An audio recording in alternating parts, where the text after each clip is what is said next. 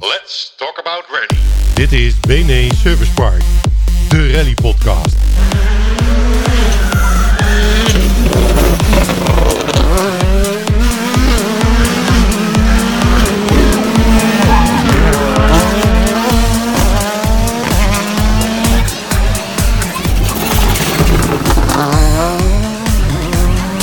Alles over de rallysport in het WRC, het Belgische Nederlands Rallykampioenschap. Je hoort het in BNE Service Park. Uw gastheer Björn de Gan en Marco Schillemans.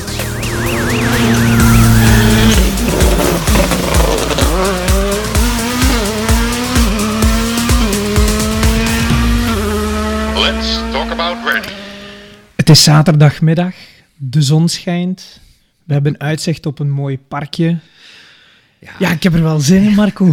het is echt prachtig weer geworden, hè? Ja, ja, ja. Wat, eh, Hoe zit jij erbij eigenlijk ja, vandaag? Ja, ja, ja. Nou, zeker met, met dit soort weer, dan, eh, dan begint bij mij altijd wel, eh, wel lekker te kriebelen. Ja. En, gewoon lekker naar buiten toe, bijvoorbeeld in de tuin, tuin bezig zijn.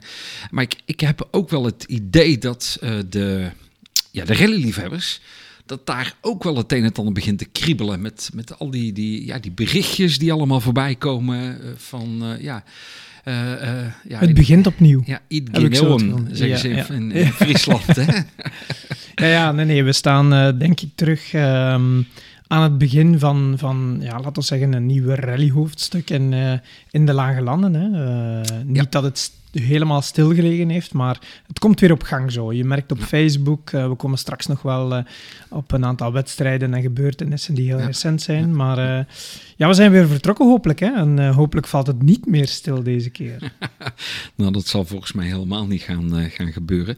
Ehm, ja, we hebben weer zoveel leuke reacties gehad hè, op, eh, op de podcast. Dat klopt. Ehm, Maar eerst een aanvulling. Hè. ja. We weten eindelijk Daarom, hè? wie Glen Popo is. Ja, precies. Dat, eh, dat weten we. Want eh, hij heeft gereageerd. Eh, hij, hij is echt van, vanaf de allereerste begin een van onze vaste luisteraars. En ehm, ja, hij schrijft eigenlijk zelf: Ja, wie ik ben, vragen jullie. Nou, hij is in ieder geval een liefhebber van de sport en van de podcast.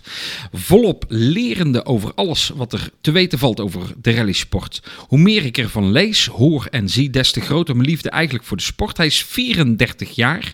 Ehm, maar verder is het helemaal eigenlijk geen enkele binding met, eh, of connectie zeg maar, met, eh, met de rallysport. Nu wel, hè. Ja, absoluut. Eh, Hij zijn voor- volgt onze podcast, Ja, dus dan heb je een band hè, met... eh, ja, ja, ja. Zijn voornaam is Glen en zijn achternaam is Poelie. Dus zo eh, is eigenlijk eh, die, die naam ook een beetje eh, ja, naar voren. Glen met een C. Ja, klopt. Glen Popo. Ja, ja Clem Popo. Eh Poli is, is eh, dus zijn, eh, zijn officiële achternaam. Ehm, dus zo komt ook eh, ja, daar, daar eh, zijn eh, connectie in ieder geval met, met die naam vandaan. En inderdaad wel zo beleefd om me inderdaad te introduceren. Nu ik zoveel van jullie leer via de podcast. Ah, We hebben een educatieve rol. hij is ons aan het inpakken. Zoiets, ja.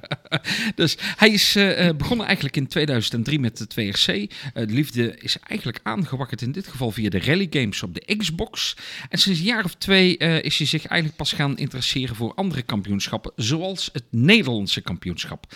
En hij staat te popelen om de allereerste rally eh, te gaan eh, bezoeken. Wie niet, zou ik zeggen, op, eh, op dit moment. ja. Ehm, maar hij heeft nog een aanvullende vraag. Ja, ehm, of dat we nog tips hebben voor hem. Ja, ja, ja, tips. Ja. Ehm, ik zeg altijd van, eh, als je naar een, naar een rally gaat kijken, eh, ehm, eh, probeer je daar een beetje op voor te bereiden. Ja. Dat dat ja, de juiste kleding, de juiste schoenen, zeg maar, bij, je bij je hebt. Ehm, Ik heb een tip. Kijk, daar komt Veilig van, staan. exact. Hij Veilig staan. viel nog net Ja. niet van mijn tong af, maar dat is Ja. het allerbelangrijkste. Eh, dat je, Nadenken waar je gaat staan, waar auto's uit de bocht kunnen gaan. Of, eh, en die absoluut vermijden. Want het laatste wat je wil is dat je een ongeval krijgt op een, uh, op een proef. En het kan altijd gebeuren. En dan, uh, dan is het klaar om naar de dan, dan, dan ben je klaar. Dan moet je niet meer gaan kijken naar de rallysport. Dus, nee, nee zeker. Ja. En ja, de, de aanwijzingen van, van de officials volg, volg ja. die op. Hè. en sowieso als je naar de rally komt, wat je zegt, hè, voorbereiden en dan mensen aanspreken. En dan krijg je sowieso tips. En het is ook een beetje een leerproces. Hè. Het is niet zoals naar een circuit gaan. Je gaat naar een circuit, parkeert je auto, loopt binnen op het circuit loopt eventueel in de namiddag rond en dan heb je alles gezien. In rallysport is het uh, veel boeiender, veel uitdagender. Mm. Ook voor de toeschouwer eigenlijk. Ja, ja precies hè. Uh, nou, cool boxje mee hè. Ook belangrijk. Ook heel belangrijk, ja. Absoluut. Ja. Dan, uh, dan heb ik nog een uh, reactie uit, uh, uit Nederland, uit um, Arkel in, in Brabant, zeg maar, gekregen. Jelte de Boef. En die, die schreef ons van, ja, ik luister eigenlijk vaak onderweg. de radio, die, ja, daar word je ook niet goed van, zegt hij. dus de podcast, die beluistert hij in ieder geval altijd onderweg. En het leuke is van Jelte de Boef, dus ook echt een, een, een rally-liefhebber. en daarnaast heeft hij in het uh, iets verdere verleden zelf ook nog gereden. Okay. maar hij is bezig met een Subaru Impreza, de ex van de Autosportcompagnie. En ook met de Ford Sierra Cosworth is hij mee bezig. En dat is een oude auto van Arjan Heijstek. Um, dus, maar hij luistert dus heel veel, heel veel ja, de podcast onderweg. Ja, en ja. hij is niet de enige. Daar nee, zo nee, meteen nee, nog nee, op. nee, daar hoor je, daar hoor je inderdaad wel, wel vaker. Hè? En dan, ja, dan heb ik echt een heel leuk en lang verhaal heb ik gekregen van, van uh, Alexander Voorberg. Um, nou, hij, uh, hij was uh, zeg maar ook aan, aan het luisteren naar um, de podcast. En toen hadden we het over de East Belgium Rally. En toen vertelde ik over de N14 met, met Ferdi Biesheuvel. van, dat dat voor mij in ieder geval een van de mooiste wedstrijden is die ik ooit gereden heb. Mm -hmm. In combinatie met rijder en, en dergelijke. En, een, een Belgische wedstrijd, hè? Ja, absoluut. Um, En uh, volgens mij, en er zit me nu in één keer te bedenken, volgens mij was het ook toen de eerste keer dat die wedstrijd verreden werd. Dat zou kunnen. Dat, uh, ja. Dus uh, in ieder geval, hij was daar ook bij. en hij is een vervent fotograaf. Mm -hmm. En um, toen hij dat, dat zei, toen kwam er in één keer een, echt een beeld bij mij naar voren toe van, ah, die foto, en dat is echt, die is genomen in, in, in, in een bos. En hij beschrijft het eigenlijk van, joh, uh, het, is een, uh, het is in het bos met een flauwe knik en met hoge snelheid. En destijds kreeg ik echt het gevoel alsof ik bij de RAK Rally in Engeland was. Maar ik stond echt in België. Om, en, omwille van de vette, ja, vuile omstandigheden. Ja, precies. En, uh, mooi. Dus uh, ja, leuk uh, dat, dat dat soort gedachten dus niet alleen eigenlijk bij ons komen opborrelen, maar in dit geval dus ook bij Alexander Voorberg als fotograaf. Zullen uh, de foto, uh, mooie foto trouwens, die, uh, die zullen we op onze social media nog plaatsen. Zodat iedereen daar nog heel eventjes van kan gaan genieten. Hij schrijft er overigens ook nog bij dat hij um, nog een vraag heeft. Wanneer verwachten jullie in Nederland of België weer een beetje een serieus startveld te gaan zien? nou, ik denk volgens mij, iedere wedstrijd. ja, iedere wedstrijd. hè, dat het nu, nu echt... iedereen ja. is, uh, komen straks ook nog wel op, iedereen staat zo wild, heb ik de indruk, ja, dat het... Uh, dat het full house zou zijn overal en uh, zoveel te beter. Ja. Hij, hij, vraagt er ook nog bij van, ja, hoe, hoe kunnen we de Belgen haast verleiden om bijvoorbeeld ook eens een keer in Nederland uh, te, komen, te komen rijden? Hè? Dat is niet zo evident. Nee, hè? Nee, omdat je in, in België heb je heel veel wedstrijden, heel veel mooie wedstrijden ook. Niet dat de, Nederlanders, uh, de Nederlandse wedstrijden niet mooi zijn. Hè. Hm. Ik sta er toch ook aan de start. maar uh, ja, het is gewoon net iets uitdagender in België. Ja. En uh, dan is het niet zo evident. Maar we hebben een aantal Belgen die wel komen. Dus, uh, ja, ja. daarom. We gaan het, we gaan het meemaken. Nog een reactie van Jonas Kaan, die trouwens eergisteren, dacht ik, jarig was. Ik had hem ook nog een berichtje gestuurd. jonge kerel. Um, ik heb nog met zijn, met zijn pa samengewerkt in, in de rallysport. Um, en Johan Kaan. En hij had mij gestuurd zalig om naar te luisteren. Ja, dat, dat, dat is al fijn natuurlijk. En hij wees me er trouwens op dat uh, onze vraag naar langdurige relaties, dan wees hij er mij op, zegt hij, um, is Stefan Prinzi en Sharon Vermeulen, die ondertussen getrouwd zijn, um, is dat geen langdurige relatie? Ik heb dat even uitgezocht en uh, die hebben 133 keer samen gereden sinds 2006. Dus die zijn al 15 jaar aan het samenrijden. En als ik op de ranglijst ga kijken in België, dan verdringen die de broers Consul van de derde plaats. Oké. Okay. Dus eh, Stefan Prinzi en Sharon die staan op eh, plaats drie in België van eh, langdurige relaties op dit moment. Goeie opmerking dus van Jonas. Ja, absoluut. Heel goed gezien. Veel verschillende wagens rijden ze mee, vaak op het Frans onverhard. Staan ook dit weekend in Touquet aan de start. En, en hebben een nieuwe strijdros. Een Alpine A110 Rally RGT. In een prachtige kleuren, vind Ja, ik. Die mooi, staat heel mooi. Ja, Ja. ja, ja. Dus, eh, Ja. Maar daar kom ik straks nog wel even over eh, de toestand in, eh, in Touquet. Ja, en ook een nieuwe Nederlander eigenlijk in de top 10. Ook eentje die we, die we gemist hadden. Ehm, Jan van der Marel. Jan Ja. van der Marel, hè? Hoe ja. hadden we die kunnen missen? Ja, precies, precies. Met eh, eh, Bruno van Tra 59 keer maar liefst. En komt daarmee op de zevende plaats. Vlak achter Bert de Jong. Want die staat eh, in combinatie met Ton Hill op de zesde plaats. En eh, verdrinkt dus in dit geval Erwin Dokter en Theo Badenberg met 58 keer. Dus dat zit wel heel erg dicht bij, eh, bij elkaar. Heeft wel een lange carrière, hè? Ook Ja, absoluut. ONRK-kampioen 79, 1980 en 1981. Maar liefst 48 keer. Ook dat, is, met, dat eh, is enkel met die navigator, ja, denk ik. met die navigator. Hoeveel exact. titels heeft hij? Hij heeft er zeven Nederlandse eh, kampioenschappen zeg maar, gewonnen. Ehm, en Dan is hij zou wel eens inderdaad Kortere- ja, recordhouder kunnen eh, zijn, kunnen, kunnen zijn. Hè? Ja. Ehm, 48 keer met Jan Berghoff. Ehm, eh, eh, daar waren ze ONRK-kampioen in 1978. Maar ehm, hij heeft ook met eh, Anja eh Liuma 52 keer eh, zeg maar een, een wedstrijd gereden. En opvallend veel met vrouwen gereden. Ja. Kijk eens aan, Jan heeft een goede smaak. Hij heeft absoluut een goede smaak. Ja. Maar dus met, met verschillende navigatoren wel best lang gereden eigenlijk, als je het zo hoort. ja, 59. eh, ja, mooi. mooi. Oké. Eh, dan hadden we ook nog een reactie van eh, Bjorn van Overschelde, die mij 14 dagen geleden een berichtje stuurde. eh, naar aanleiding van een artikel in Het Laatste Nieuws, dat is een Belgische krant.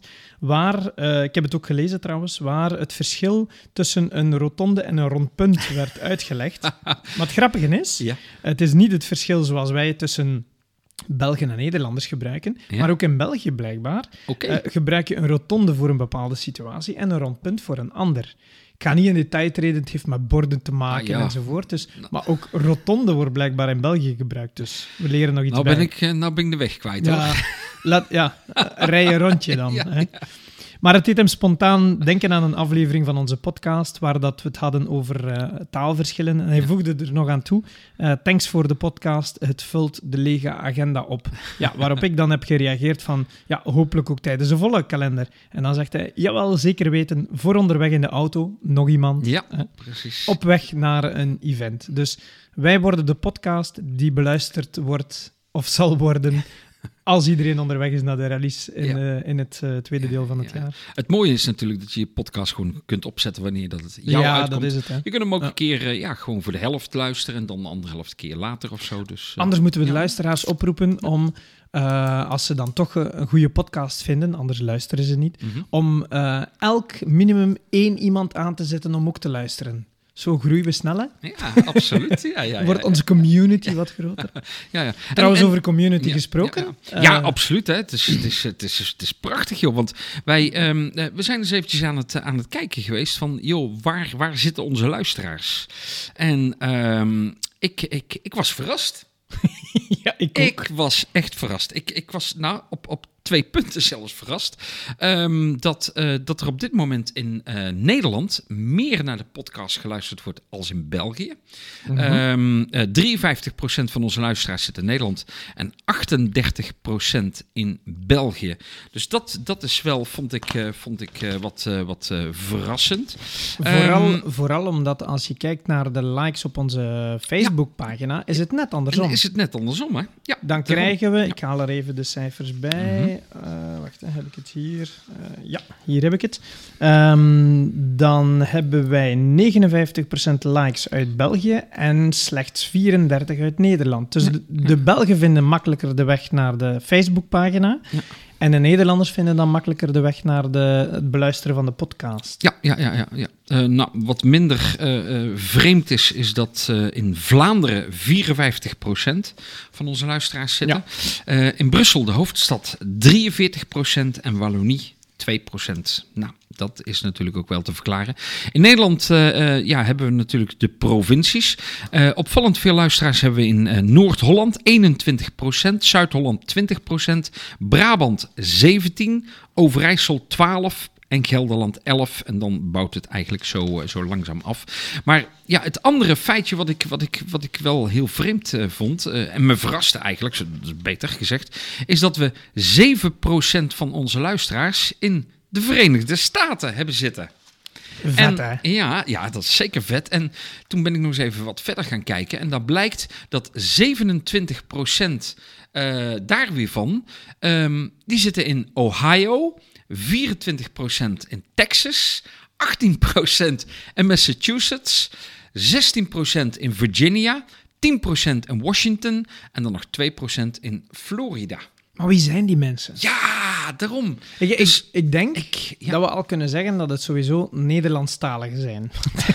ik zie geen Engelstalige luister. Dus dat moeten uitgeweken Belgen of Nederlanders zijn. Zoiets moet het, eh, moet het zijn. Dus ehm, eh, ja, mocht je eh, waar dan ook eigenlijk eens, eens luisteren.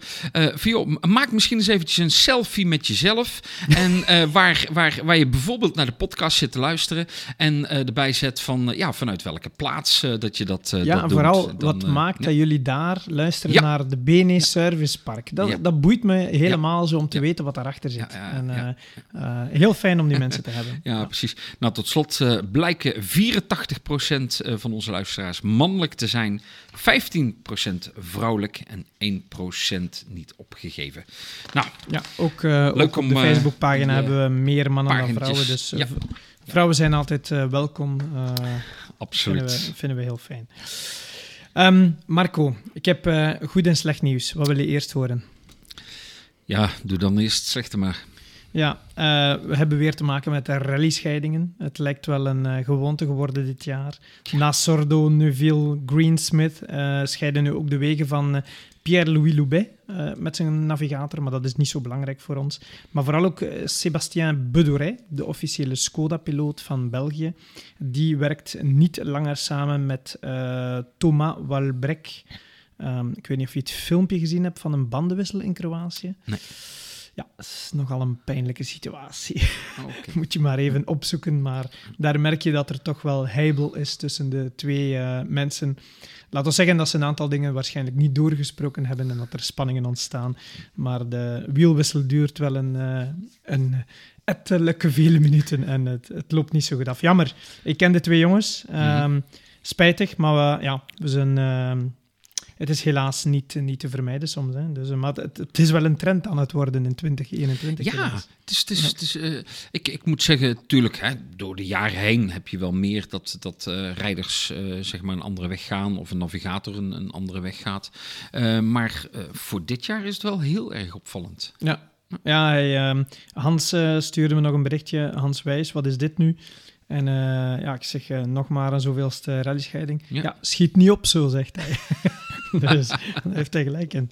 Maar ik heb ook goed nieuws. Ah, dat wou ik net zeggen, want Ja, eh, je hebt slecht nieuws, maar je hebt dan toch ook wel goed nieuws, hè?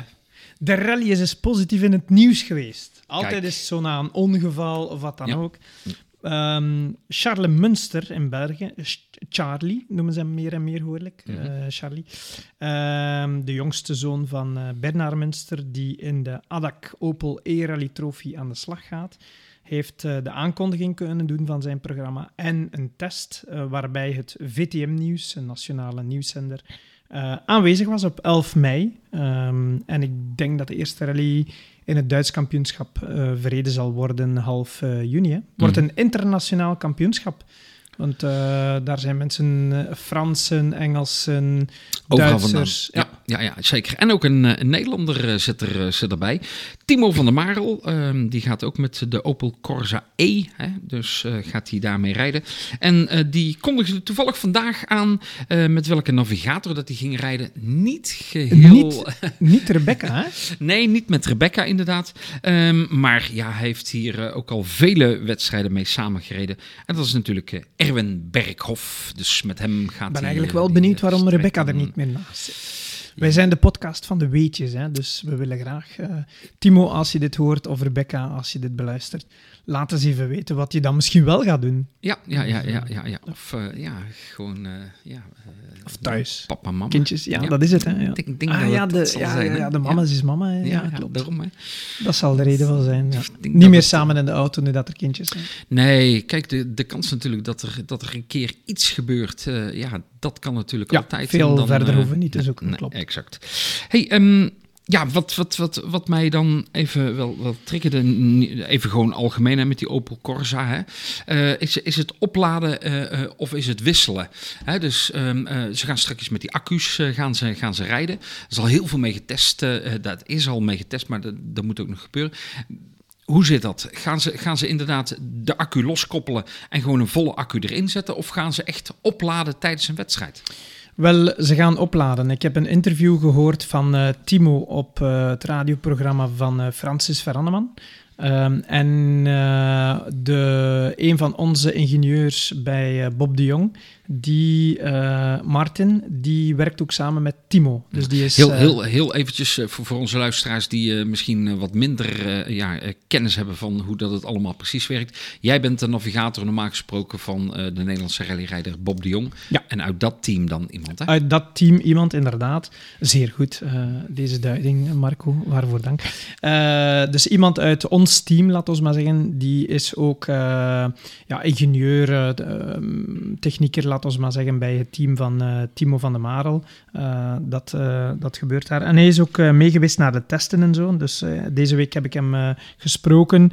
En hij zegt dat het, ja, het, het, het, grootste is niet zozeer het testen met de auto, maar, maar heel het logistieke gebeuren er rond. En ze gaan dus opladen tijdens de service. Dus, en ze hebben ook een beperkte actieradius.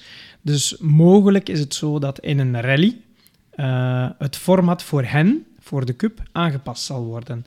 Dus als er drie of vier proeven zijn in een boekeltje, in een Mhm. rondje, Mhm. dus voor de mensen die weinig van rally kennen, we starten uit het servicepark, rijden drie proeven met verbindingsstukken en dan tegen snelheid. Mhm. En dan komen we terug naar de service. Wel, het zou kunnen zijn dat ze dat boekeltje korter moeten maken voor de elektrische auto's, omdat ze anders de, het einde van de, van de boekel niet zouden halen, van het rondje niet halen. Ah, Oké, dus En, die, eh, die, die rijden bijvoorbeeld dan maar twee proeven in plaats Ja, van de ja. drie. Dus die gaan echt een heel aparte wedstrijd hebben.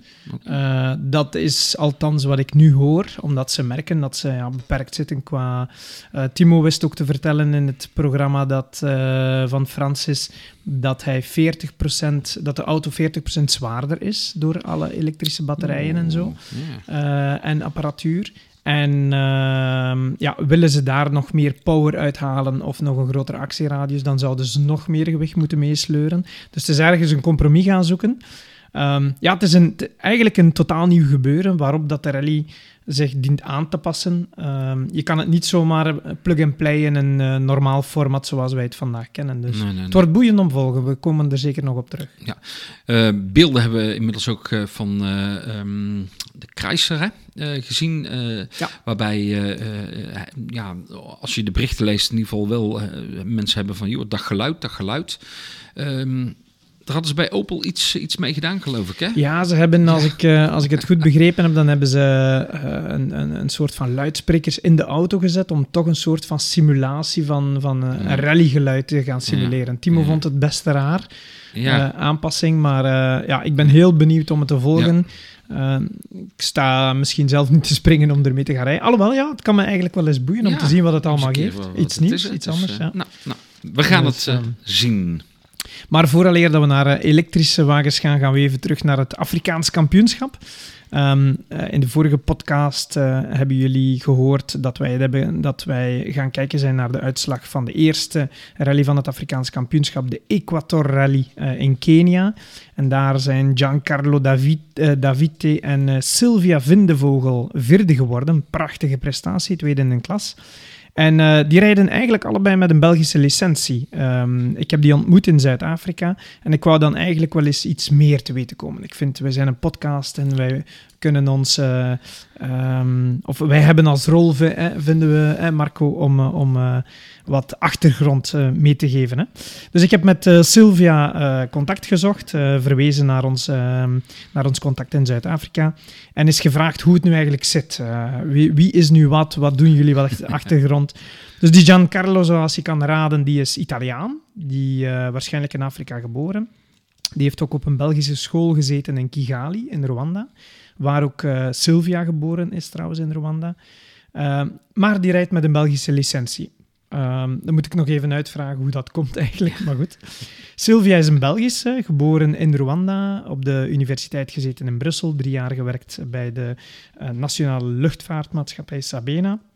Als tolk is daarna teruggegaan naar Afrika, heeft haar eigen restaurant gehad in eh, Burundi en werkt nu in een hotel-restaurant aan het Kivu-meer in Congo. Ik volg ze ondertussen op eh, Facebook. Ik kan je vertellen, ik heb eigenlijk zin om het vliegtuig te nemen en daar lekker te gaan. eh, ja, echt prachtige beelden.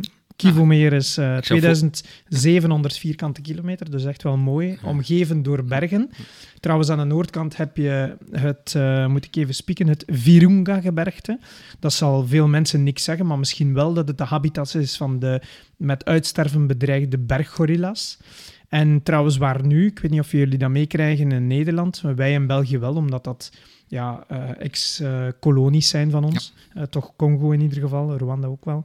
Ehm, dat daar een vulkaan aan het eh, uitbarsten is en, en de stad, wat is het, Goma bedreigt. Dat is in het noorden van het Kivu-meer en zij zit eigenlijk aan het zuiden van het Kivu-meer. Dus ik heb ook al beelden gezien op haar Facebook van de eh, spuwende vulkaan. Dus ja, prachtig. Mooie plaats om een podcast op te nemen, zou ik zeggen. Oeh, je brengt me op ideeën eigenlijk. Ehm, de link met Tichem, waar ik het de vorige keer, ik heb daar ooit gewoond in de Vlaamse Ardennen, was haar overgrootvader. Want ik weet dat we toen in Zuid-Afrika spraken over van waar ben je Mhm. en waar woon je dan precies. Ik zeg, ja, Tichem, ah, ik ken daar iemand. En dan kom je iemand tegen uit Afrika en dan eh, kan je tot een klein dorpje terug. Dat is haar overgrootvader die er woonde. En die was bevriend met Stijn Streuvels. Die, eh, ik weet niet, zegt die naam jou iets? Vlaams schrijver. Ja inderdaad. Eh, zeer goed culturele kennis. En dan, eh ze is eigenlijk begonnen in ongeveer dezelfde periode als wij zelf, eh, in 99. Tweemaal Rwanda Rally Champion geweest. Ik weet niet alleen of het in een klasse is of algemeen. Ehm, en dan eh, ja, samen met eh, Giancarlo rijdt ze al een aantal jaar. Negen zegens, waaronder driemaal de Rwanda Mountain Gorilla Rally. Gorilla. Eh, ja, vind ik nog altijd geweldig. Ja, ja. En die gaan ze ook opnieuw rijden dit jaar na het WRC in Kenia. Dus waar ze nummer 27 hadden op de deelnemerslijst. Giancarlo was zo happy dat hij op het eerste blad stond met de Utanax en de Thierry Neuvilles van deze wereld. De wedstrijden dan van, eh, van mei, hè, de Targa Florio. 6, 8 eh, mei, zeg maar, eh, is die, die wedstrijd verreden. Ehm dat was eigenlijk een extra testwedstrijd voor Hyundai. Ehm, Die hebben een abonnement op daar lijkt Italiaans. het wel op, hè? Daar lijkt het wel op. Hey, opnieuw twee wedstrijden, zeg maar, in, in één. Het Italiaanse kampioenschap en het WRC. Eh, nou, Thierry en eh, Martijn die waren er ook. Thierry Neuville en Martijn Wiedagen eh, met de WRC. Ze hadden slechts één tegenstander, Christian Ole Vijbi. Eh, uiteraard ook met de Hyundai WRC. Dus een WRC-wedstrijd met twee deelnemers. Met twee deelnemers. Ja, voor een uiteraard gewoon om, eh, Ja, te te testen. hè. Ja, ja. Op tien proeven toch eh, ja, één betere tijd zeg maar moeten laten aan VB. En eentje ja, die ze hebben moeten, moeten delen. Maar voor de rest hebben ze eigenlijk de wedstrijd gewoon vrij gemakkelijk kunnen winnen. Met 42,6 seconden voorsprong. En dan was er ook eh, Greg Bean, hè, die eh, daar eh, met een nieuwe navigator aan de start kwam. Een Belg, Absoluut, ja. Louis Luca. ja. Ja, Louis ehm, is eigenlijk een 27-jarige jonge man, de vaste co van eh Grégoire Munster. Die, eh, zij maken deel uit van het Hyundai Junior Team. En eh, ja, via die link van Hyundai is dan is Greg Breen bij hem terechtgekomen om even in te vallen voor zijn, voor zijn huidige navigator, waarvan de naam me nu even ontsnapt. Uh, maakt niet uit, maar hij moest in ieder geval, hij kon door de heel de corona-situatie even niet naar uh, Italië afreizen. Um, heel emotionele wedstrijd, ook voor uh, Greg Breen. Wist ik eigenlijk niet meer, moet ik zeggen, dat hij in de Targa Florio Rally was. Maar negen jaar geleden um, overleed zijn uh, navigator uh, Garrett Roberts na een ongeval. Uh, je kan het een beetje vergelijken met het ongeval voor de mensen die het nog weten van Kubica, de Pool, die in een vangrail ging en een vangrail die dan de auto doorboorde. Dat was een beetje hetzelfde verhaal. Um, er is ook een filmpje gepost dat Greg na de rally het, uh, ja. ja. de gedenkplaats even gaat, gaat ja. bezoeken en een, uh, en een fles uh, gewoon ja. losspuit. Dat was wel mooi. hij had heel graag gestreden om, of heeft gestreden om de zegen, om, om de zegen te pakken en zo hulde te kunnen brengen. Maar hij strandde helaas op luttele 2,4 seconden van Gian Domenico Basso prachtige naam, hè, wat, uh, ja. wat, dat betreft. Hè. Ja, en dan uh, in aanloop naar de WRC Portugal was er in één keer belangrijk nieuws. Eigenlijk iedereen had het pas ja, veel later verwacht dat dat zou gaan gebeuren. Maar er was daar in één keer toch een meerjarig contract wat er getekend werd door Thierry Neuville en ook zijn, zijn ploegmaat Otanak. Die hebben de krabbeltjes gezet. Um, ja, en uh, als, als je dan kijkt van ja, waarom hebben ze dat gedaan? Dan uh, um, uh, heb ik begrepen dat ze eigenlijk ja, gewoon duidelijkheid hebben willen geven van joh, uh, we gaan door en we hebben eigenlijk de input vanuit, vanuit jullie keihard nodig om ja, het hybride en ook het elektrisch gedeelte eigenlijk goed te kunnen gaan ontwikkelen. Ja, ik denk vanuit het team, maar ook de piloten zelf. Hè. Ja, Je zit met een nieuwe generatie auto's die eraan komt volgend jaar met, de, met de hybrides. En dus willen piloten ook wel heel snel zekerheid hebben. Niet zozeer omwille van de zekerheid dat ze ergens een stuur zullen hebben, maar ook dat ze de kans krijgen om dit jaar zoveel mogelijk tijd in die nieuwe auto te gaan doorbrengen tijdens testen. En uh, ja, dat, dat is de reden waarom dat ze heel graag uh, uh, ja, snel mm -hmm. een contract wilden. En normaal gebeurt dat rond Finland. Dan heb je, dat is in de zomer, in augustus, het silly season. Uh, maar dit is nu heel veel uh, sneller gebeurd. En ja, goed nieuws uiteraard voor, uh, voor Thierry en mogelijk ook voor Martijn. dat onze Belgen toch nog jaren de kleuren kunnen verdedigen in het WRC. maar ik denk dat de anderen ook heel snel zullen volgen in de andere teams. Dus, ehm, en ook een ingenieur eigenlijk, hè? Christian Loriot. Uh, die ja, heel veel succes geboekt heeft met zijn ontwerpen bij Ford. Dat is wel een beetje een rare situatie. Hij komt part-time werken aan de nieuwe WRC bij Hyundai. dus hij zit nu nog bij M-Sport, weliswaar op de afdeling Bentley Circuit. Dus een aparte afdeling. Mm -hmm. uh, daar gaat hij 50% van zijn tijd en dan 50% uh, bij Hyundai. Dus uh, een aparte situatie. Hadden ze ook in de Dirtfish podcast even over gehad. Maar ik denk, ja, je hebt met echte professionals te maken die die scheiding wel kunnen maken. Ja. Dus, uh, maar Hyundai gaat er helemaal voor, dus ik ben benieuwd. Ja, ik ben benieuwd uh, of dat er verder nog, uh, nog anderen zeg maar, verder gaan, gaan instappen. Maar goed, andere merken. Maar ja. we Laten het, we hopen. We gaan het zien. Ja, en dan ja, de, de, de wedstrijd zelf, hè. WRC Portugal 22, 23 mei. Eerste gravel-event sinds acht maanden. Ja, was uh, Sardinië vorig jaar. Hè, hadden we dus heel lang geleden um, nog eens een echte WK-proef met 338 kilometer uh, ja. aan, uh, aan, aan tijds- of klassementsproeven, laten we maar zeggen. Um, gaat door in het noorden van Portugal, opnieuw zoals eigenlijk het traditioneel altijd is geweest, in de regio van Porto. Het is ook enkele jaren in het zuiden geweest, in de Algarve. En het is in die regio dat ik zelf twee keer heb deelgenomen, in 2009 en, en 10 met Hans Wijs. Um, mensen zullen misschien de rally wel kennen van de bekende Fafé Jump op het einde van de Power Stage. Uh, daar zie je altijd wel heel veel foto's van op kalenders, jaaroverzichten ja. en dergelijke. Of crashes. Hè. Uh, ook mm -hmm. dit jaar weer een paar felle crashes. Um, en uh, ja, we hadden ook wat raar nieuws nog voor de wedstrijd. Ja. raar bedoel ik dan, we zijn het niet gewoon in een rally-context. Um, maar deze dagen is het wel normaal, ja. hoor je het uh, langs alle kanten. Maar twee teams die niet konden starten door COVID. Ja, ja. Uh, besmet of positief getest. Hè? Ja, precies. Mikkelsen en ook uh. En ja, daar zit toch een beetje een, een raar smaakje zeg maar, uh, aan, aan vast. Hè? de heren die, um, die zeiden van, joh, um, ze, zijn, ze zijn er wel, niet, wel geweest, niet geweest. ja, ze waren contact, ergens in, in, in, Spanje en dan moesten ja. ze doorreizen, maar eigenlijk moest hij in quarantaine, maar hij heeft dan toch doorgereisd en zo. Ja. En in ieder geval, hij is voor zes maanden geschorst. Ja, voor dus het WRC. En, dat is niet, niet best. Ja, en zijn navigator drie maanden, omdat hij dan niet besmet was. Dus uh, ja. ja. maar het is, uh, het is een heel, heel verhaal. Jammer, um, maar ja, terecht dat de schorsing heeft, heeft plaatsgevonden. Ja, en wie stond, wie stond er aan de start van uh, onze Beni-piloten? Uiteraard onze vaste vertegenwoordigers uh, Thierry Neuville met uh, navigator Martijn Wiedagen. En dan ook navigator van Adrien Fourmeau, namelijk Renaud Jamoul. Uh, deze keer opnieuw met een uh, Ford met de WRC. En dan, uh, maar deze keer hadden we ook een Nederlander. Ja, Kees, Kees Burger. Um, samen met Mico Luca in de Skoda Fabia R5. En daar hebben we eigenlijk vlak voor deze podcast ook nog eventjes mee gesproken.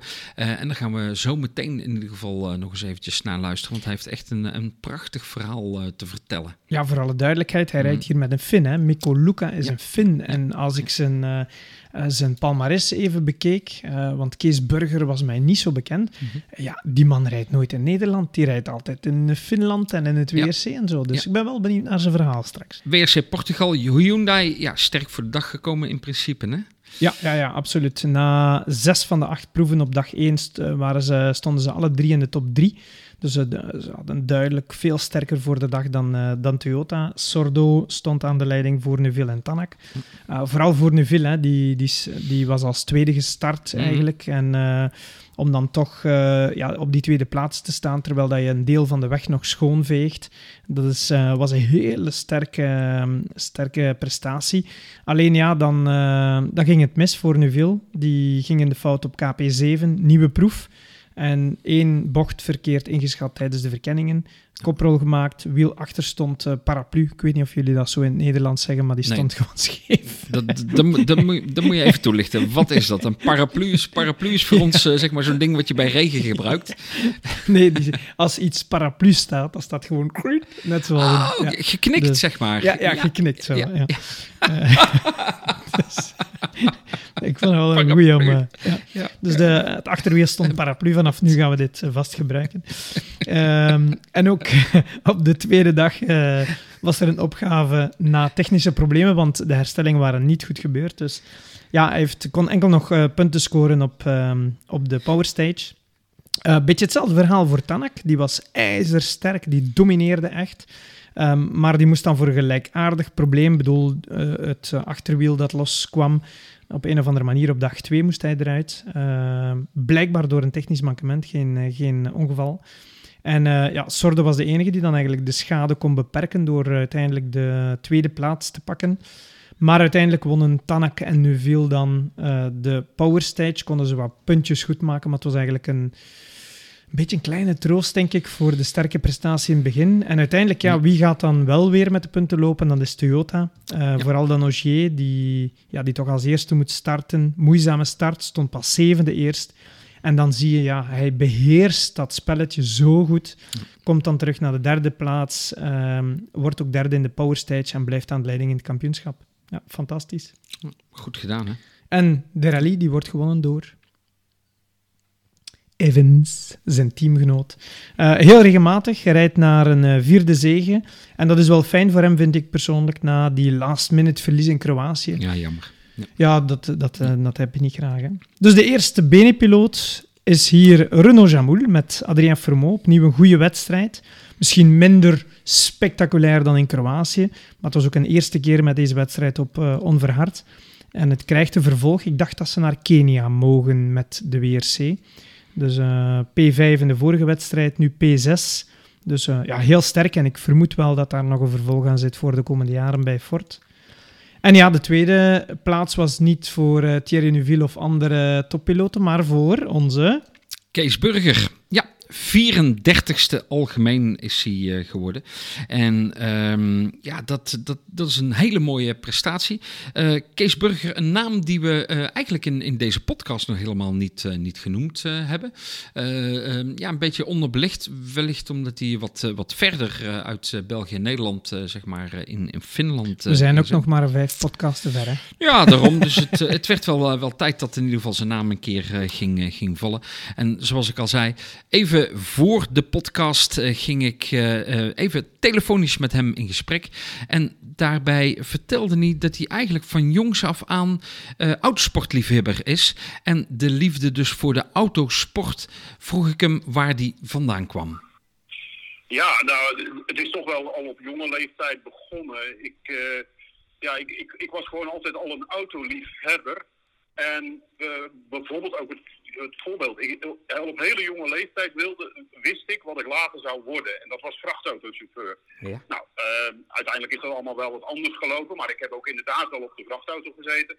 Uh, maar goed, uh, mijn ouders hebben dat altijd eigenlijk wel gestimuleerd. En, en uh, die, die liefde voor auto's begrepen ze toch wel dat er in, in zat. van jongs af aan. Het spelen met autootjes en wat iets meer zei. En er heel zuinig op zijn, dat was ook wel iets zo is dat eigenlijk ontstaan. En uh, nou ja, goed, uh, de opleidingen gedaan. Want mijn ouders hebben altijd gezegd: je, je kunt worden wat je wil. Uh, maar eerst een opleiding. Nou, dat heb ik dus ook gedaan. En ja, goed. maar die liefde voor de, voor de auto's is eigenlijk altijd gebleven. heb ook in die richting mijn opleidingen gedaan. motorvoertuigentechniek, werktuigbouwkunde en wat iets meer zei. Dus altijd wel techniek gerelateerd. En ja, dat, dat is eigenlijk altijd zo gebleven. Alleen ja, wat natuurlijk altijd het probleem is eh, op jonge leeftijd. Uh, ja, de centen. Want ja, het is natuurlijk wel een sport waar je een paar centen voor nodig hebt. Ja, klopt. Inderdaad, uh, je, bent, je bent zelf eigenlijk pas op, op, op 48-jarige leeftijd ben je, ben je ermee begonnen, hè? Ja, um, ja, dat heeft eigenlijk uh, zijn, oorzaak gevonden in het feit van nou ja, goed, jonge leeftijd heb ik net al aangetipt. Uh, dan, dan ontbreken je de centen eigenlijk voor deze sport. Ja, vervolgens kom je dan in een werkzaam leven terecht. Uh, nou goed, dat betekende voor mij dat ik samen met mijn vrouw een transportbedrijf had. en ja, goed, dan komt de factor tijd. En in die periode waarin je dan samen je bedrijf opbouwt, ontbreekt het dan aan de andere factor en dat is tijd.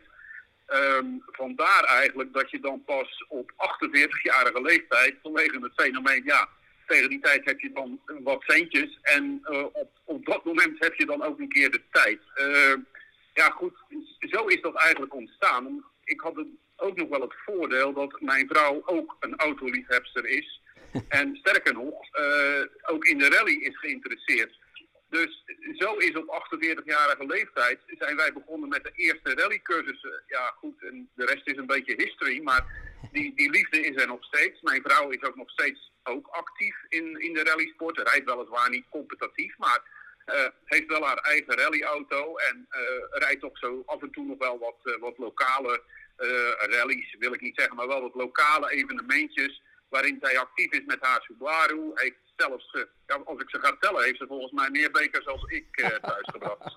ja, hey, uh, als, als ik dan eventjes toch naar, naar die beginperiode wil gaan, hè, dan, dan want je doet het niet in Nederland, hè, met name. Je, je, zit, je zit echt dan veel meer in, in Finland. Ja, ja, dat is eigenlijk ontstaan vanwege het feit dat ik daar ook begonnen ben met, met, met, ja, met de activiteiten in, in, in de rally. Um, en ik wist al heel uh, vroeg eigenlijk dat ik met name mijn passie lag bij het rijden op onverhard. Gravel, ijs en sneeuw, ja, daar, daar ging mijn hart eigenlijk het meeste naar uit. Met, uh, met asfalt had ik niet zo heel veel. Uh, ja, ik, dat heb ik eigenlijk nog niet. wil ik op, als ik graag op asfalt wil rijden, ga ik wel op het circuit rijden. Dat, dat is ook nog veel veiliger. maar dat is niet, ik zal niet zeggen dat ik nooit een asfalt evenement zal rijden, maar vooralsnog ja, ligt mijn hart bij het rijden op onverhard, uh, uh, ijs en sneeuw. Uh, ja, ik vind de rally sport, maar dat, pas op, dat is mijn persoonlijke mening. Um, ik vind de rally sport, dat is gelinkt aan het rijden op onverhard en niet op verhard. Maar nogmaals, dat is mijn mening. Dat is, er zijn natuurlijk hele goede jongens eh, op, op asfalt. En ik denk ook als je een hele goede rallyrijder wil worden, moet je het alle twee goed kunnen. Eh, dus, maar goed, mijn liefde ligt dus heel duidelijk bij dat onverharde. Ja, nu, nu rij je zo'n twee, drie wedstrijden zeg maar eh, per jaar. Als ik dan even ging, ging kijken, je hebt zeven keer in Finland gereden, Sardinië, Zweden en nu onlangs eh, de WRC eh, zeg maar in Portugal met de Skoda R5. Ehm, is dat een moeilijke wedstrijd, Portugal? Ja, goed. eh, wat je net noemde, twee, drie wedstrijden per jaar. Dat, dat zijn dus alleen de WRC's hè, die, eh, die je noemt. Ja. Daarnaast rijd ik natuurlijk de, de, de Fins kampioenschapsrallies en, en wat lokale evenementen ook in Finland. Ehm, WRC Portugal, ja, dat is, eh, dat is een moeilijke rally. Tenminste, ik, ik, ik vind hem best wel, wel moeilijk. Ehm, hij is, natuurlijk, de ondergrond is heel anders als dat wij gewend zijn in Finland. Met, met hele mooie gravelwegen die, die bijna qua, qua oppervlakte gelijk zijn aan asfalt, zou je zeggen. Eh, maar eh, in, in Portugal is dat een heel ander verhaal. Eh parcours is dikwijls ruw, stenen, ja, heel ongelijk. Ehm, vandaar dat je op een andere methodiek moet rijden als, als bijvoorbeeld in Finland. Maar daardoor is het wel een stuk uitdagender. Natuurlijk ook al, daarin speelt het veel meer dat je toch in het achterhoofd moet houden dat je, tenminste dat vind ik, dat je de auto heel thuis moet brengen. Want ja, ik bedoel, maar als je niet finisht, ja, dan, eh, dan ben je niet gefinished. Eh, dus eh, ik vind dat wel een extra eh cachet geven aan het rijden in dit soort rallies. Hè. Met name dan zo'n WRC Portugal, zo'n WRC Sardinië die ik een paar keer gereden heb. Die zijn wel vergelijkbaar met elkaar qua ondergrond en, eh, en qua techniek die je moet gebruiken in een dergelijke rally. Ja, je hebt het eventjes over hè, de methodiek die anders is, hè, die moeilijker maakt. Eh, Kun, kun, je, kun je daar nog iets op toelichten? Ja, goed. Kijk, ehm, in, in, in dergelijke ruwe rallies als, als een Sardinië en een, een Portugal moet je, zoals we dat in, in, in, in Finland natuurlijk ook noemen, zo, of zoals de Engelse term heet, you have to read the road. Je moet dus de weg, le- je moet de weg lezen. Eh, dat wil zeggen, je moet natuurlijk toch in dit soort rallies altijd oog hebben voor de stenen ehm, de, de, die, die er dikwijls uit worden gereden door hè, de, de, degene die voor je starten. Eh, voor ons zitten natuurlijk vrijwel altijd de grote WRC-jongens. Eh, nou ja, goed, die trekken zo'n parcours natuurlijk ook open. Waardoor er eh, stenen op het parcours komen. Je hebt natuurlijk in het parcours sowieso ook dikwijls plaatsen zitten waar, eh, waar ruwe plekken in zitten. Waar, waar al uitgereden geulen zitten, waarin een, een, een heel groot rotsblok of wat dan ook ook zit. Ja, goed, dat maakt zo'n rally wezenlijk anders als in Finland. In Finland hoeven we daar eigenlijk niet zozeer op te letten. In Finland is het met name letten op van waar ligt de schone lijn. Ja. Omdat daar de snelheden veel hoger liggen, is het puur letten op waar is de lijn schoon. Daar heb ik het meeste grip, want daarbuiten ligt wat losse gravel. Ehm, komen er dan nooit geen stenen naar boven in een Fins parcours? Ja, natuurlijk wel, maar dat is, eh, dat is toch wat, wat, wat zeldener dan in, in rallies zoals hier in Portugal en in, in Sardinië. Maar goed, nog, zoals gezegd, dat maakt het ook eh, wat uitdagender, vind ik. Want eh, ik bedoel, maar het is natuurlijk toch, er komt een extra ding bij in, de- in, in de sport waarbij je toch moet letten van, ja goed, waar kan ik rijden en waar kan ik niet meer rijden. Dat, is, eh, ja, dat, dat, dat, dat geeft wel wat extra's en ook wel een uitdaging die ik altijd leuk vind om te doen. Ja, eh, je zegt ook altijd hè, van, van jou, eh, first you have to finish. Ja, dat is in ieder geval gebeurd. 35e algemeen. Tevreden met dat, met dat resultaat? Eh 34ste algemeen. Ja. ja, ik, ja ik, ik- nou, ik- in principe ben ik daar tevreden mee. Kijk, Marco, ik ben 61 jaar. Ik bedoel maar, de, de podiumaspiraties die heb ik niet meer in een WRC 2 of een WRC 3. Eh, daar moeten we gewoon reëel in zijn. Maar ja, goed, ik, ik, vind het spelletje nog steeds heel erg leuk om te doen. En vandaar natuurlijk dat je meedoet. En ja, goed, eh 34ste algemeen. Ja, goed, eh gefinished. Dat, dat, dat was het eerste doel wat we hadden. We hadden alleen een, een, een klein ongelukkigheidje in de eh, laatste stage op de vrijdag. Dat is de Lusada stage, dat is een rallycross track waar je tegen elkaar rijdt. En dat is nog nooit mijn co-piloot overkomen, maar mijn co-piloot noemde eh, in de notes finish te vroeg. Wij hadden nog een ronde moeten doen, maar hij noemde finish. En ja, je weet hoe het werkt in, eh, Ja. in de rallysport. Als de, als de co-piloot eh, roept dat je over finish bent, Ja. dan moet je van het gas af.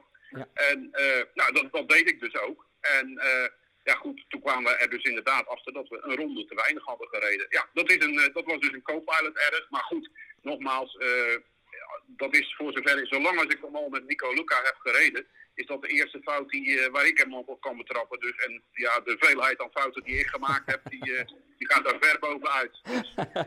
ja, hey, tot slot eventjes, ja, je zegt twee, drie wedstrijden op een, WRC-wedstrijden op een jaar. Um, heb, je, heb je al in de planning staan nog andere wedstrijden voor dit jaar? Ja, in principe staat WRC Finland dit jaar op, op de planning. Ehm, die gaan we sowieso rijden. Daarnaast zal ik uh, Lahti uh, rally rijden. Dat is een Fins, uh, Finse rally weer. En wellicht nog wat lokale evenementen. Maar ja, zoals je zult begrijpen, Marco, dit jaar en ook afgelopen jaar was alles eigenlijk ook grotendeels COVID gerelateerd.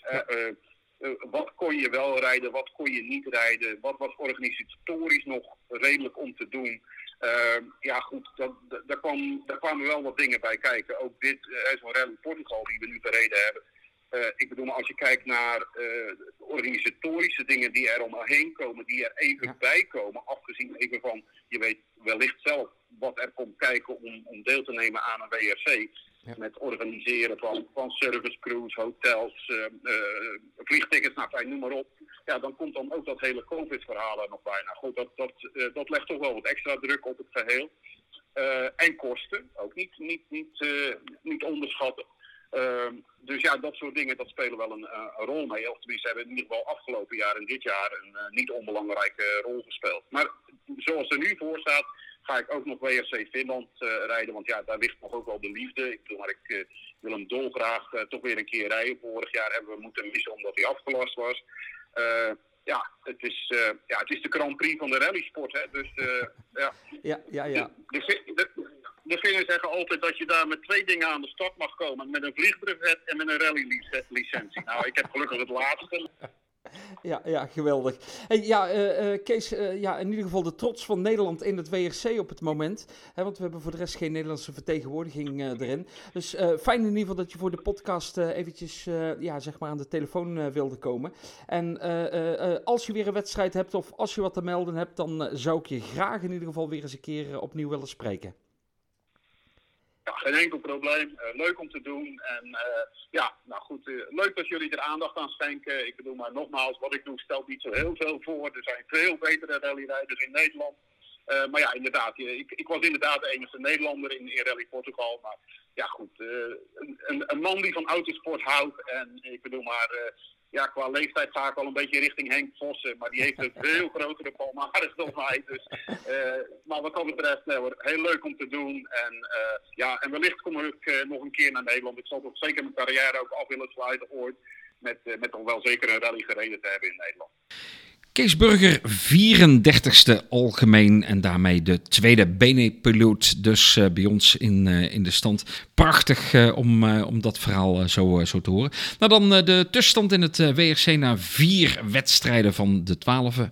Dat betekent dat aan de leiding gaat Auger met 79 punten, Evans 77 en de Belg Neuville 57 punten. Dus Jammer. 22 punten al achterstand hè? Ja, ja, ja, ja. ja dat gaat te druk. Uh, ah goed, hij heeft een goede startpositie in de volgende wedstrijden, want hij start als derde. Dus hij kan, uh, kan echt wel hopelijk het verschil is maken en vasthouden. En dan kan hij wel terugkomen op Ogier, maar het zal nodig zijn. Absoluut. En dan bij de constructeurs aan de leiding Toyota 183 punten, Hyundai 146 en M-Sport 64. Dan wil ik nog even terug naar de Power Stage. Hè. Mm -hmm. Tanak wint die, Neuville is tweede. Uh, nu, ik dacht, ik, ik heb de Power Stage ook bekeken en ik dacht, uh, ja, Tanak die had een, die is vertrokken zonder, reserve, uh, zonder reservewiel die morgen. Dus hij had toch een 23 kilo verschil met Neuville, die dan met vijf wielen was vertrokken. Vier op de auto en, um, en één in, in de kofferbak. Mm -hmm. en, maar ik sprak Martijn nog. De navigator week. van uh, ja, Thierry. Klopt. Om dan eens te vragen van, ja, die, wat was het, 1,8 seconden of zo dat ze verliezen op de power stage. Um, heeft dat dan het verschil gemaakt met dat wiel? Martijn zegt, we hebben de data naast elkaar gelegd. Hè. Ze zitten in hetzelfde team. En dan uh, vermoeden ze toch heel sterk dat het vooral te maken heeft met verschil van positie op de weg. Hè. Neuville moest als eerste starten, Tanak kwam iets later, dus het was nog iets mooier schoongeveegd. Konden ze zien door de, op de bredere stukken waar verschillende sporen mogelijk waren, mm -hmm. dat Tanak daar iets makkelijker uitkwam. En op de smalle technische stukken uh, waren ze net iets sneller zelfs dan Tanak. Dus het is wel leuk om al die vergelijkingen te maken. En ik, ja, dan, dan is het wel grappig om te zien dat die 23 kilo dan toch niet zo'n gigantische impact maakt, terwijl dat er altijd op gewicht uh, wordt, uh, wordt gepusht eigenlijk. Hè. Mm. Ik vroeg dan ook naar zijn gevoel uh, aan de start van de Power Stage. Hè. Dan, ja, dan, ja, dat, dat, dat, was zo speciaal. S morgens zei, ja, reden we echt als een slakkengangetje door de eerste proeven. Mm -hmm. En dan, ja, dan moet je vol gaan zitten voor die winst in de Power Stage. Hij zegt, ja, het was echt het gevoel als dat we, alsof dat we aan het strijden waren voor de winst eigenlijk. En dan uh, na de Power Stage hoorde ik dan in het interview met Neuville. Uh, ja, ik denk efficiënt gereden te hebben en uh, niet overdrive. Hè. I did not overdrive. En um, ja, het is wel even belangrijk om aan te geven, zeker voor, voor jongere piloten die, die ons volgen of minder um, ervaren piloten dat het grappig is als je denkt, uh, als je denkt heel spectaculair te rijden, of, of, als je heel spectaculair rijdt en heel geforceerd rijdt, denk je soms dat je een goede tijd zult neergezet hebben, omdat je heel agressief hebt gereden. Ja, en het geluid van Marco is heel terecht. Hè. Dat is het meestal niet. Het is meestal net omgekeerd. Als je heel uh, rustig en efficiënt gereden hebt, dan kom je... Laten, laten rollen vaak uh, ja, heeft uh, meer snelheid tot, als ja, spectaculair, zeg maar, met de handrem er doorheen. En dat is soms wat, iets wat je moet leren. Hè. Ja.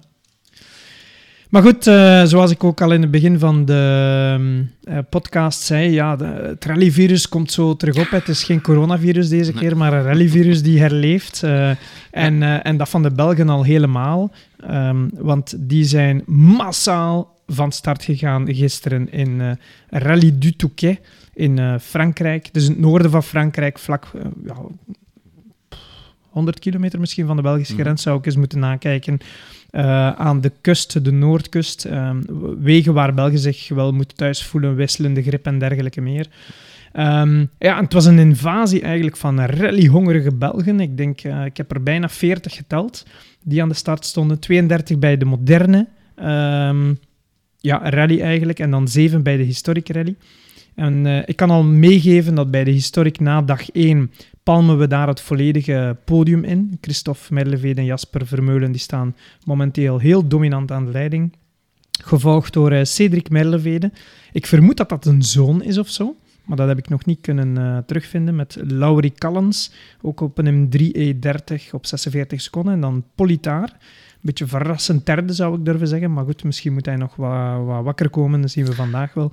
Met François Geerland uh, op een minuut en twee.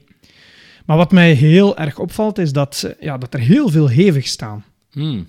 Heel veel crashes. Heel veel. Ja. En uh, felle crashes ook. Oh, Echt. Uh, ja. Ik heb de beelden gezien. Ja. Van de 192 starters, wat fenomenaal is, een startveld van 192 auto's bij de moderne, uh, heb ik 50 opgaves geteld. En daar denk ik 20 crashes al. Ja. Ja, men uh, is natuurlijk uh, ja, al wat langere tijd uh, niet in de gelegenheid geweest om op snelheid te rijden. En men staat, zoals je dat inderdaad al, al zegt, behoorlijk fel.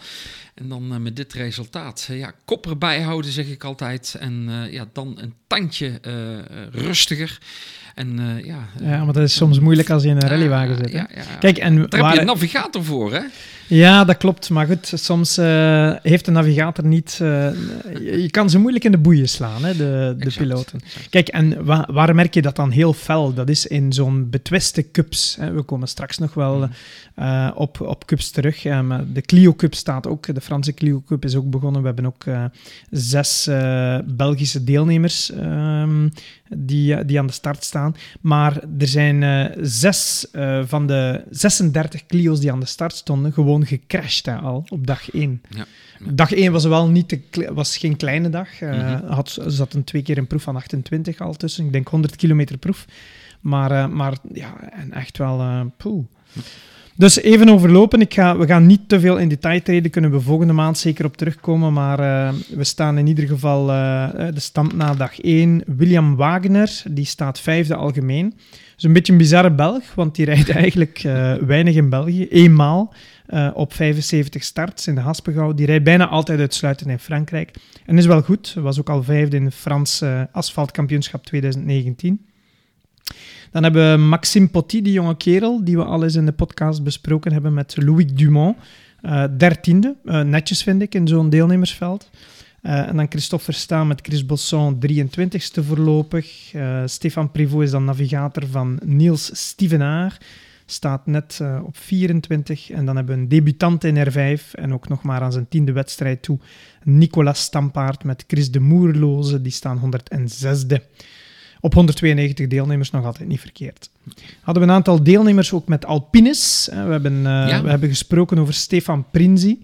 Uh, in het begin van de podcast met Sharon Vermeulen. Die zijn daarnaar afgezakt. Chris van Damme en Kurt de Klerk die hebben ook uh, deelgenomen met een Alpine. Alleen zijn die uh, best fel gecrashed. Ja, ik heb die, uh, die foto gezien. Poeh. Ja, en het grappige was, ik heb deze morgen nog de podcast van, of het rallyprogramma van Francis Veranneman zitten beluisteren. En Chris had gezegd van, wat zijn de ambities, vroeg Francis. En dan zegt Chris, ja, rustig de auto leren kennen en hopelijk ja, op de baan blijven. Hè. En, oei, en dan zag ik de crash, ja. dan dacht ik van, dit is niet helemaal goed gegaan. Nee, nee.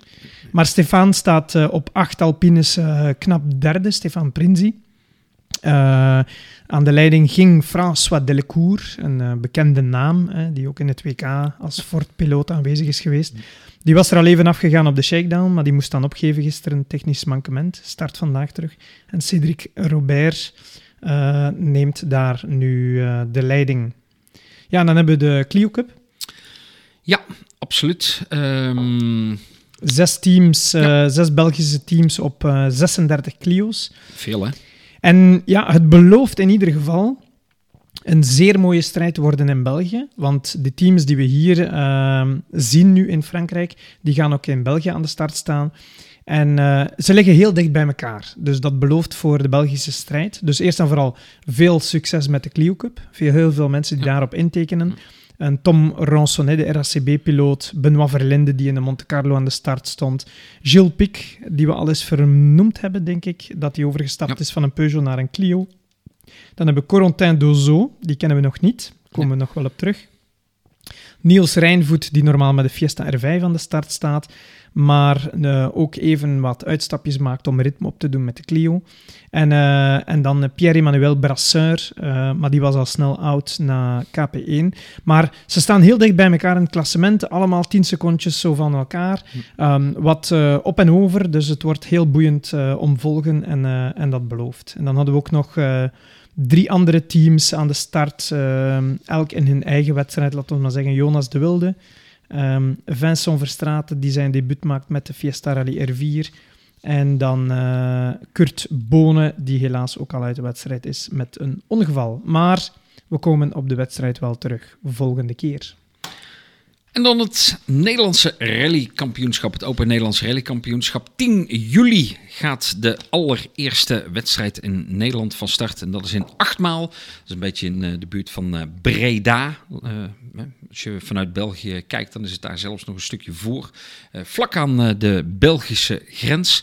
Um, en aangezien ik in Antwerpen woon, mm -hmm. is het bijna mijn thuiswedstrijd. Ja, ja, ja, ja, voor jou volgens mij het dichtste bij zijn de uh, Voor mij wel, ja. ja. Voor mij wel. Ja, ja. Ik heb uh, van de organisatie begrepen, begrepen dat uh, 1 juni om 8 uur s'avonds het, uh, ja, de inschrijving zeg maar, mogelijk is via Rally Docs. Dus mochten... Daar zal ik me moeten haasten. Ja, ja, ja, ja, ja, want ik denk dat het heel snel zal, zal gaan met de inschrijvingen. Um, 1 juni dus inschrijven. De reglementen die eh, zijn sinds dit weekend online gekomen. Um, we hebben al wel wat uh, hier en daar aan het uh, rondkijken geweest. En we hebben begrepen dat er ook leuke auto's aan de start gaan komen. Onder andere een rallykever. Die van uh, Wijs Senior. Ja, ja die, die gaat uh, inderdaad uh, rijden. verwachting is dat hij in het historic gaat rijden. maar waar precies of hoe wat, dat, niet, dat, dat weet ik niet. Um, en ook Hans Wijs die gaat komen, maar die gaat, begreep ik, als nulrijder gaat hij rijden. Um, de auto is overigens nog onbekend waar hij mee gaat rijden. Ik weet niet of dat jij daar al iets over verder gehoord nee, hebt. Nee, ik heb Hans uh, de laatste weken niet meer gesproken. Ik heb okay. wel een nieuwtje. Oh, vertel. Dan hebben wij Hans Wijs niet als tegenstander, want ik ga deelnemen met Bob de Jong. Ah, proficiat. Dankjewel. Dus jullie Mijn thuiswedstrijden. Eerste ja. Ja, ja, we hebben uh, beide hebben we hem drie keer gewonnen. Twee keer -hmm. samen en, uh, en ik ook één keer met Hans. En Bob één keer ook apart. Dus uh, we zijn recordhouder. We willen daar graag nog eentje aan toevoegen. Maar nee, in ieder geval, we willen terug aan de start staan. Gewoon plezier maken. En voor Bob is het een thuiswedstrijd. En zoals ik daarnet al zei, voor mij eigenlijk ook wel een beetje. maar dan aan de andere kant van de Belgische grens. Dus, nou, ik, ik, denk dat ik ook wel zeker weet dat Kevin van Dijnen, die zal wel gaan, ja. gaan starten. Jasper uh, van den Neugel mogen we ook wel verwachten. En ja, zo, denk precies. Ik. ik. verwacht eigenlijk de Nederlandse toppers, dat ja. die allemaal wel hier Laat ons hopen, dan gaan, daar gaan doen we het voor. Hè? Ja, ja, ja. Ook wel leuk om te vertellen is dat Edwin Abbring, de vader, de papa van Kevin, dat hij als nulrijder ook naar achtmaal Heeft het gaat nogal komen. gedaan, hè? Dacht ik. Ja, al wat, wat vaker. En dat gaat hij doen met zijn eigen Ford Escort. Okay. Zal hij vooraf aan de Short en de Historic Rally 140 kilometer tegen de klok zal er gereden worden. Uh, vier klassementsproeven. Klein Zundert, Rijsbergen, achtmaal de Hel en dan achtmaal Ostaaien. Een heel wedstrijd, compacte ja, wedstrijd. Compact evenement. Om half vijf smiddags is de start in achtmaal. En rond middernacht zal waarschijnlijk de, uh, ja, de winnaar van de wedstrijd uh, bekend zijn. Komt een, zoals we dat in de vorige podcast al verteld hebben, een centraal serviceterrein waar echt werkelijk alles gaat gebeuren. De service is daar, de start, de finish is er. En uh, de klassementsproef, uh, de hel, die zal daar in die omgeving gestart gaan worden. En doordat er een rond koersje daar ligt, zul je dus vele malen daar de wedstrijd kunnen gaan, gaan zien. Dus dat wordt de opener van het ONRK. Ik zeg altijd, Marco, dat de beste mogen winnen. Maar ik hoop dat Bob en ik zijn. zou mooi zijn. Zou mooi ja, zijn. Hè? Dan uh, hebben we meteen ook al een uh, tweede wedstrijd uh, die op het programma staat. 28 augustus. Dat is de Prima Acon Vechtel Rally in Hardenberg. Daarmee heb ik gesproken met Bastiaan van Lingen. Nou, hij heeft ons laten weten dat de organisatie al ja, volop draait. Wel zijn alle vergaderingen nog online. Maar het reglement is klaar zijn, voor, voor goedkeuring. En ze verwachten ook binnenkort dat daar de inschrijving ook via Rally Docs dus uh, gaat uh, plaatsvinden. De planning is 110 kilometer KP, totaal 240 kilometer, 8 KP's, tweemaal een boekel van 3 en eenmaal een boekel van 2. Dus dat is wat dat betreft voor de wedstrijden.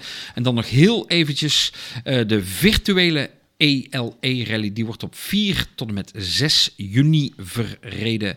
En daar kan men nog voor inschrijven. Ga dan naar eventjes of naar de Facebookpagina of naar de website van de ELE-rally. 4 tot en met 6 juni. Ja, want die is open voor iedereen eigenlijk. Ja, hè? Zoals ja. in tegenstelling met uh, GTC vorig jaar, die een virtuele rally was met uh, rallypiloten, laten we ja. maar zeggen. En daar was jij uh, ook aanwezig. Daar waren we allebei aanwezig. Hè? Ik als deelnemer met, met Bob en jij als speaker. Ja. En, uh, en ook voor een podcast, die trouwens ook uh, apart te beluisteren is. Altijd leuk om, uh, om eens te zien welk enthousiasme dat daar leefde onder rallypiloten die plots op een simulator moesten gaan zitten. Echt is leuk om, om ja, ja, ja. kan ik de luisteraars zeker aanbevelen. Ja, ja. ja.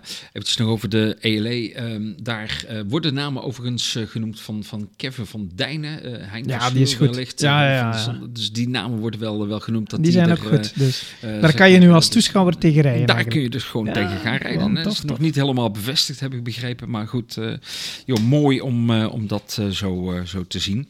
Um, ja, en dan over die eerste wedstrijd, hè, de GTC-rally. daar er zullen ongetwijfeld ook een aantal cups weer gaan starten. er wordt, Twee, drie cups hebben wij in ja, Nederland. Ja, hè? ja, er wordt in ieder geval genoemd dat de Mercedes SLK Cup van start zal gaan. Nissan 350Z zal er gaan komen. wellicht dat de BMW Cups er ook nog zullen gaan zijn. Dat gaan we afwachten. Maar ook de Peugeot 206 Rally Cup, die komt naar de GTC Rally.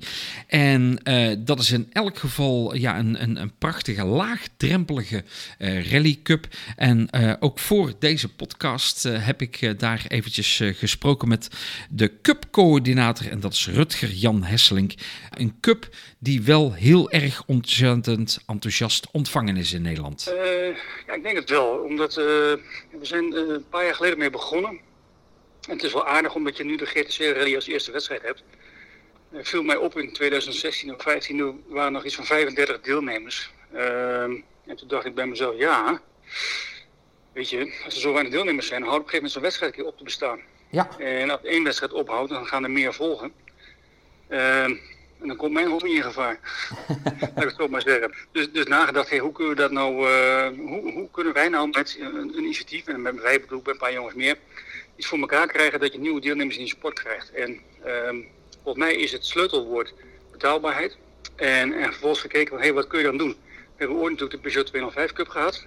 Uh, ja, tien gedraaid en hartstikke leuk, zonder tien elf deelnemers. En gekeken van, kunnen we misschien iets vergelijkbaars opzetten met een jonge model wat heel betaalbaar is. Nou, dan kom je bij de 206 uit. En nou, een uh, aantal modellen zijn daarvan heel nadrukkelijk gekeken naar eentje met homologatie. Omdat je dan uh, niet afhankelijk bent van eventueel wel of niet cupreglement. Uh, en dan kun je altijd rijden. Los of dat je nou goedkeur hebt of niet. Nou, zo gezegd, zo gedaan. 2017, eerste seizoen. En uh, met Marcel Volgens dan de eerste auto gebouwd. En toen kwam er in één keer iemand, die kwam ik bij de sportclub tegen. En die zegt, god, maar dat vind ik mooi. Ik wil ook meedoen. Art Pierik in dit geval. Dus die heeft de eerste auto gekocht van, van Marcel. Dus toen hadden we de opdracht om een tweede auto te bouwen. Nou, die van mezelf was nummer drie. Geert Hams was nummer vier. En zo kwamen er steeds meer jongens bij. Hij dacht dat we het eerst een man of acht hadden. Dat was 2017. 2018 kwam dan uh, uh, vervolg. Dan we weer een beetje door. En ik heb vorige week een lijstje gemaakt van deelnemers, maar we hebben er ondertussen 33. Um, van die 33, er zijn er op dit moment denk ik twee of drie die wel bezig zijn met de auto, maar de auto nog niet klaar hebben en waarschijnlijk dit jaar niet gaan rijden. Dus komen er een beetje 30 uit. Mm -hmm. En van die 30 uh, zijn drie buitenlandse teams. Eentje uit Denemarken. En die hebben een auto gehuurd via Peter Wieringa. En we hebben twee Duitse teams uit de buurt van Saarbrücken. Ah, kijk. Dat is, uh, dat is wel heel mooi, maar die verwacht je eigenlijk nog niet in de eerste wedstrijd. Nee, Casper Nielsen wel. Uh, die rijdt via WDM. Die heeft daar een auto gehuurd. Mm -hmm. Dus die, die, komt wel. Uh, de twee Duitse teams nog niet. Een van die teams heeft een auto uit Spanje gehaald. Dat blijkt ook een 206 Cup te zijn. En uh, die ze maar terugbouwen qua specificaties. En de tweede auto die, die is in opbouw, maar is nog niet klaar. Maar die verwacht ik eigenlijk bij de Vechter Rally wel. Nou, dan heb je die 33 die we noemden. En naast die 33 hebben we in Nederland nog vijf auto's die of klaar zijn of niet worden ingezet. Dus dan kom ik op 38 uit. En mogelijk komt daar volgende nummer 39 bij. Jee, meneer, wat een enthousiasme. Ja, ja weet je, uh, Marco, uh, het hele verhaal is betaalbaarheid. Ja. En uh, je kon voor tussen de 5 en de 6.000 euro kun je die auto gewoon kant en klaar hebben staan. Inclusief aanschaf van je straatauto. Je kunt hem helemaal zelf maken. Het is eenvoudig, het is betaalbaar. En als je na één of na twee jaar zegt, goh, ik wil een stap verder maken, prima. Weet je waar het om gaat, is dat nieuwe mensen in die sport komen. En hoe meer mensen, hoe meer draagvlak er uiteindelijk is om wedstrijden te organiseren. Je zei het er net al zelf, hè, van ja, de GTC-rally. Uh, dat ja. wordt uh, de eerste wedstrijd. Wordt dat ook jullie eerste wedstrijd? Ja, de eerste van 2021. Mm -hmm. uh, nou, ik, ik heb niet de illusie dat, dat die allemaal al meteen uh, zeg maar, die aan de start gaan verschijnen. Maar nee. ja, hoe, hoeveel verwachten jullie dat er, dat er gaan, gaan starten? nou, we hebben een rondgang gedaan langs alle deelnemers met de vraag van willen jullie meedoen? En, en, dat hebben we gedaan omdat we contact hebben gehad met de GTC-rally. Met de vraag: goh, is het handig om op voorhand voor de Cup uh, wat plekken vast te kunnen leggen? Omdat ik verwachtte dat er best veel deelnemers komen. En dat kon. Het is een rondgang gedaan. En toen zaten we op 15 mm -hmm. mensen die, die mee willen doen. Er zijn er ondertussen nog twee bijgekomen, dus zitten op 17 op 17 deelnemers die dus in ieder geval in de Peugeot 206 Rally Cup gaan, uh, gaan starten. Vijf wedstrijden heb ik begrepen dat jullie gaan rijden. GTC Rally is de eerste. Uh, in het begin stond de Zuiderzee Rally, de Provider Zuiderzee Rally ook nog op het programma. Maar die is inmiddels uh, ja, gecanceld. Welke vijf wedstrijden gaan het ja, dan buiten de GTC Rally voor jullie worden? Ehm, daarna gaan we naar de Vechtdal. dan hebben we de Hellendoorn. Dan hebben we de Twente en uiteindelijk het Berkeland. Ja, het is wel een beetje op Oost-Nederland georiënteerd. Mhm. Ehm, en we zaten op een gegeven moment in dubio bij, toen, toen de Zuiderzee niet doorging. Wat, wat kiezen we dan? Ehm, en hebben als uitgangspunt genomen, de kans is het grootste dat aan het eind van het jaar ehm, meer wedstrijden doorgaan. Dus vandaar dat we op de, op de Berkeland uitkwamen. Berkeland, dat gaat dus inderdaad eh, de laatste wedstrijd dan worden. Een mooi programma en meer info mocht u dat willen weten over de Peugeot 206 Rally Cup. Dan kunt u op de website van hun terecht www.206rallycup.com.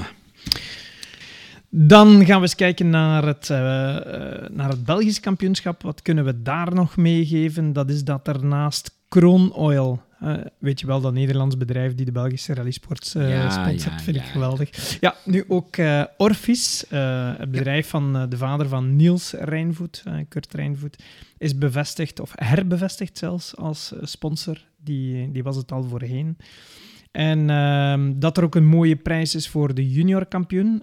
een test met een Hyundai i20 in Rally 2. Dus de, de R5-klasse, laten we maar zeggen mogen we eigenlijk niet meer zeggen. Het is een Rally 2. Hmm. Dus, uh, uh, een, een, topwagen, laten we maar zeggen. Hè. En dat de eerste wedstrijd, naar alle waarschijnlijkheid, dan uh, uiteindelijk dan toch de South Belgium gaat worden op 26-6. we hebben al nieuws gekregen van Hugo van Opstal dat de deelnemerslijst daar vol is. Meer dan 150 inschrijvingen. Maar voorlopig nog weinig info over bekend. Die zal ja, zowel voor alles meetellen. Hè het Belgisch kampioenschap, het historisch Belgisch kampioenschap, de Stellantis Rally Cup, de Clio Cup of de Clio Trophy, Junior BRC en de M-Cup. Dus zowat iedereen uh, wil daar aan de start staan. Um, ja, het wordt uh, druk dat weekend, want uh, daags nadien op zondag hebben we dan de Monteberg Rally. Het is geen nationale rally, maar wel een heel populaire rally. Daar, ook, ook veel Nederlanders gaan altijd kijken, hè? Daar, ja, klopt. Wedstrijd. Ja. Onder andere was vroeger op de Monteberg zelf, is nu in de regio van Poperingen uh, gereden. In het, uh, ja, in het uithoekje, laten we maar zeggen, van, uh, van de provincie West-Vlaanderen, niet ver van Yper. onder andere staan, is al bekend dat Vincent Verschuren en Davy Van Este, ehm, toch deelnemers van het BRC regelmatig, die gaan daar aan de start staan. En er zou ook sprake zijn van Jasper van den Heuvel en Michiel Eckhaus als Nederlanders die zouden deelnemen. En over uh, Michiel gesproken, die zou twee weken ervoor ook al aan de start komen van de rally van Wervik. Dus die is wel heel uh, bezig uh, in de maand juni. de rally van Wervik die zou doorgaan met publiek, op publiekzones. Dus dat is het goede nieuws. Um, en uh, dan ook uh, Nederlanders. Uh, wat heb ik verder nog gezien als Nederlandse delegatie in België? Naast heel veel Belgen uiteraard. Jeroen van Beugen en Jim van den Heuvel zouden daar ook deelnemen. Dus de Nederlanders komen ook zo wat wakker nu dat de maand juni uh, aan, aanvat. Ja. Dus dat is goed. Ja, heel goed, uh, heel goed nieuws uh, inderdaad. En ze trekken niet alleen naar België toe, maar ze trekken ook naar Duitsland toe. Want daar is de Stem Wederberg Rally op 11 en 12 juni. En als we daar eventjes op de startlijst gaan kijken... Dan Gelijktijdig met de rally van Wervik dan eigenlijk. Ja, ja. ja. Matthijs Elzinga, die, die gaat daar naartoe met de Subaru Impreza WRX. Ernst Kranenburg met de Opel Adam. Robert Klein Belt met de Mitsubishi Lancer. Martin Menzing, ook met de Opel Adam. En Michiel Poel, die komen we daar ook nog tegen met de Renault Clio. Rudy Schenkeveld met de Peugeot 206 en Ingo ten Vregelaar met de Ford Fiesta. En dan natuurlijk ook Timo van der Marel met de Opel Corsa E-Rally. En dan hebben we ook nog een uh, Nederlandse navigator die daar naartoe gaat. en dat is Mark, uh, nee, Mark ah. Schuitert. Mark Schuitert, dat is een uh, Belgische navigator. En die gaat rijden met Henrik Munk Hansen. Met de ding met de Peugeot 106. En inderdaad, wat jij zegt, ja, ja, ook nog een Belgische navigatrice. Ja, Lara van Este, die met Christian Riedeman gaat rijden met de Skoda Fabia R5. En Lara rijdt dus, het volledig Duits kampioenschap met Christian. Hè? Ja, die hebben uh, in het verleden nog gereden. Dus ja, we gaan uh, ook het Duitse kampioenschap moeten volgen. Hè? Omwille van uh, de Nederlanders ja. met Timo en dan Lara als Belgen. Dus Frankrijk, Nederland, België. We hebben het heel druk in het najaar, denk ik, ik Marco. van wel. Dat is mooi. Ja, mooie wedstrijden die er eh, gereden worden. En eh, zoals we al eh, ja, helemaal aan het begin van de podcast zeiden, hè, iedereen wordt wakker. iedereen Ja, wil, je voelt het ook, wil, hè? Op, de wei in, social zeg maar. media. Ja, Ja. hopelijk niet te veel de wei. hè. Nee, nee, nee. Nee, nee. Op de weg blijven. Ja. Nu, wat deelnemers van het BRC betreft, wat hebben we ondertussen al meegekregen? Dat is dat Chris Prinsen opnieuw de steun krijgt van Citroën. Ehm Grégoire Munster hadden we ook al gezegd, hè, met de steun van Hyundai. Niels uh, Rijnvoet, die uh, met een Skoda uh, de top 5 mikte in België. Um, Sébastien Bedouret als Skoda-piloot met een nieuwe navigator. Hè, na het, de scheiding met Thomas, waar we het in het begin over hadden in deze podcast. die gaat ook opnieuw met de steun van Skoda België aan de slag. Maar voor een beperkt aantal wedstrijden met vooral de focus op het WRC en Yper. En dan een nieuwtje dat niet over een deelnemer van het BRC gaat, maar een voormalig deelnemer van het BRC. Dat is uh, Guillaume de Mevius. Die hebben nog wel weten strijden met uh, de Citroën. Trouwens, uh, toen hij met Martijn Wiedagen op pad ging. En toen Martijn begin dit jaar overstapte naar Thierry, was zo de vraag van oei, met wie gaat Guillaume nu rijden? Ja. Maar ik had toen al gehoord van Martijn dat Guillaume eigenlijk zijn pijlen veel meer wil gaan richten op rallyrijd. En hij is nu opgenomen in uh, prachtig prestigieux, prestigieuze... Oh, ik kom er niet meer uit. Uh, Red Bull... Ik heb nog niet gedronken zelfs, Marco. Dat gebeurt vanavond. Ja, wat zal het dan zijn? Uh, in het uh, ja, Red Bull Junior Rally Raid Team. Dus hij gaat off-road racen. Prachtige prestatie, hè? En, mooi dat, ja, hij, mooi daar, dat hij daar die connectie mee heeft kunnen maken. Ja, ja. klopt. Dus ja, het is niet de bedoeling om een rallyrij te gaan volgen, maar wie weet komt hij nog wel eens met een uh, uh, fantastisch resultaat de komende jaren waar we toch niet omheen kunnen. Ja, dan de, de cups in België. Uh, ja, wat, wat mij heel hard opvalt is dat het heel stil blijft rond de Stellantis Rally Cup. Ja. Daar horen we heel weinig van qua deelnemers. Ja, we zullen zien wat er, ja. uh, wat er nog uitkomt. Uh, eens even spieken wat ik al had. Uh, Gino Bux, die zou er sowieso aan de start staan. En er stond nog een vraagteken bij Charles Munster. We weten dat hij in Duitsland aan de slag gaat, maar of hij dan in België ook aan de start komt. Verder heb ik er nog niks van gehoord.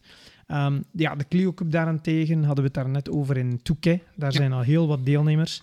Um, daar hebben we alle, en daarnaast, naast de mensen die we daarnet hebben opgenoemd, uh, gaan ook Jeroen uh, Jean Dilly, uh, Pierre-Emmanuel Brasseur gaan rijden. Matthias Delplas is ook bevestigd.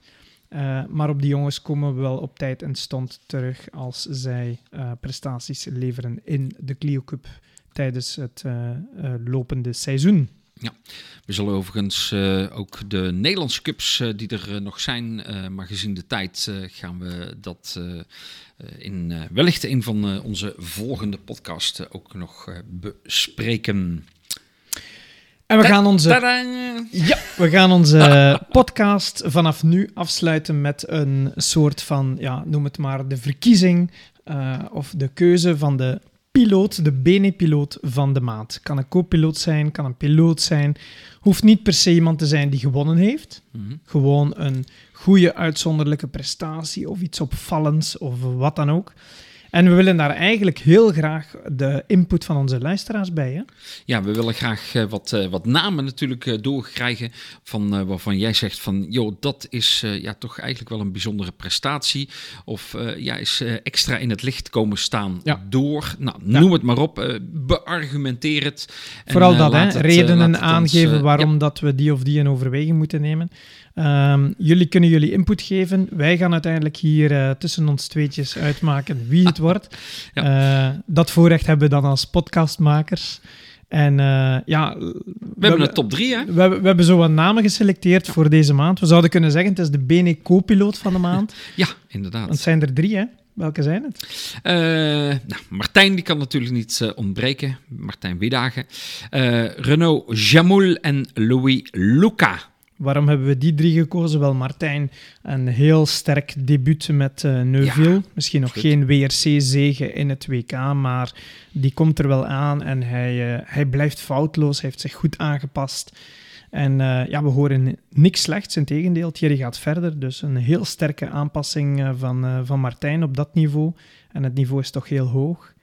Renaud Jamoul, omwille van zijn prestaties naast uh, Adrien Fourmeau, die, uh, waar ze nu al twee wedstrijden met de Fiesta WRC achter de rug hebben. Goede prestaties ook. Dus ook daar zit er een mooi vervolg aan. En dan uh, Louis Luca, vooral omwille van zijn prestatie naast Greg Breen, instappen als Franstalige in het Engels, in een emotioneel geladen wedstrijd, in Italië, fel, fel bestreden, zonder voorbereiding. Ja, vonden wij ook wel een heel, hele ja prachtige prestatie. Ik heb mijn keuze gemaakt. Ja, ik ben benieuwd. en we, weten, we weten het echt niet hè, van elkaar. hè? we hebben gezegd, kijk, dat zijn de drie. Daar gaan we het mee doen. Maar laten we maar uh, in de podcast uh, ja, erover precies, discussiëren. Dat, dat, is het leuke. Uh, met uh, welke letter begint hij? ja, dan weet je het ook meteen. Hè? Ja, klopt. ja, voor mij in ieder geval is het Louis Luca. Um, ja, echt? Ja, echt. Voor mij ook. Nee! Jawel, jawel. Oké, oké. Ik, ik, ik zal het meteen eventjes beargumenteren. Uh, ja, eigenlijk wat jij zei. Hè, van, uh, joh, uh, je stapt daar blanco in. En um, misschien heb ik het ooit wel eens een keer in de podcast al benoemd hoor. Ik heb zelf een keer ook blanco eigenlijk een, bij, bij ja, je, ja, met Harry van der Meer toen in, in Engeland zeg maar een wedstrijd gedaan. En toen, toen ja, gewoon erin stappen. En, en, maar ook bij hem, ja, die beladenheid er, erbij.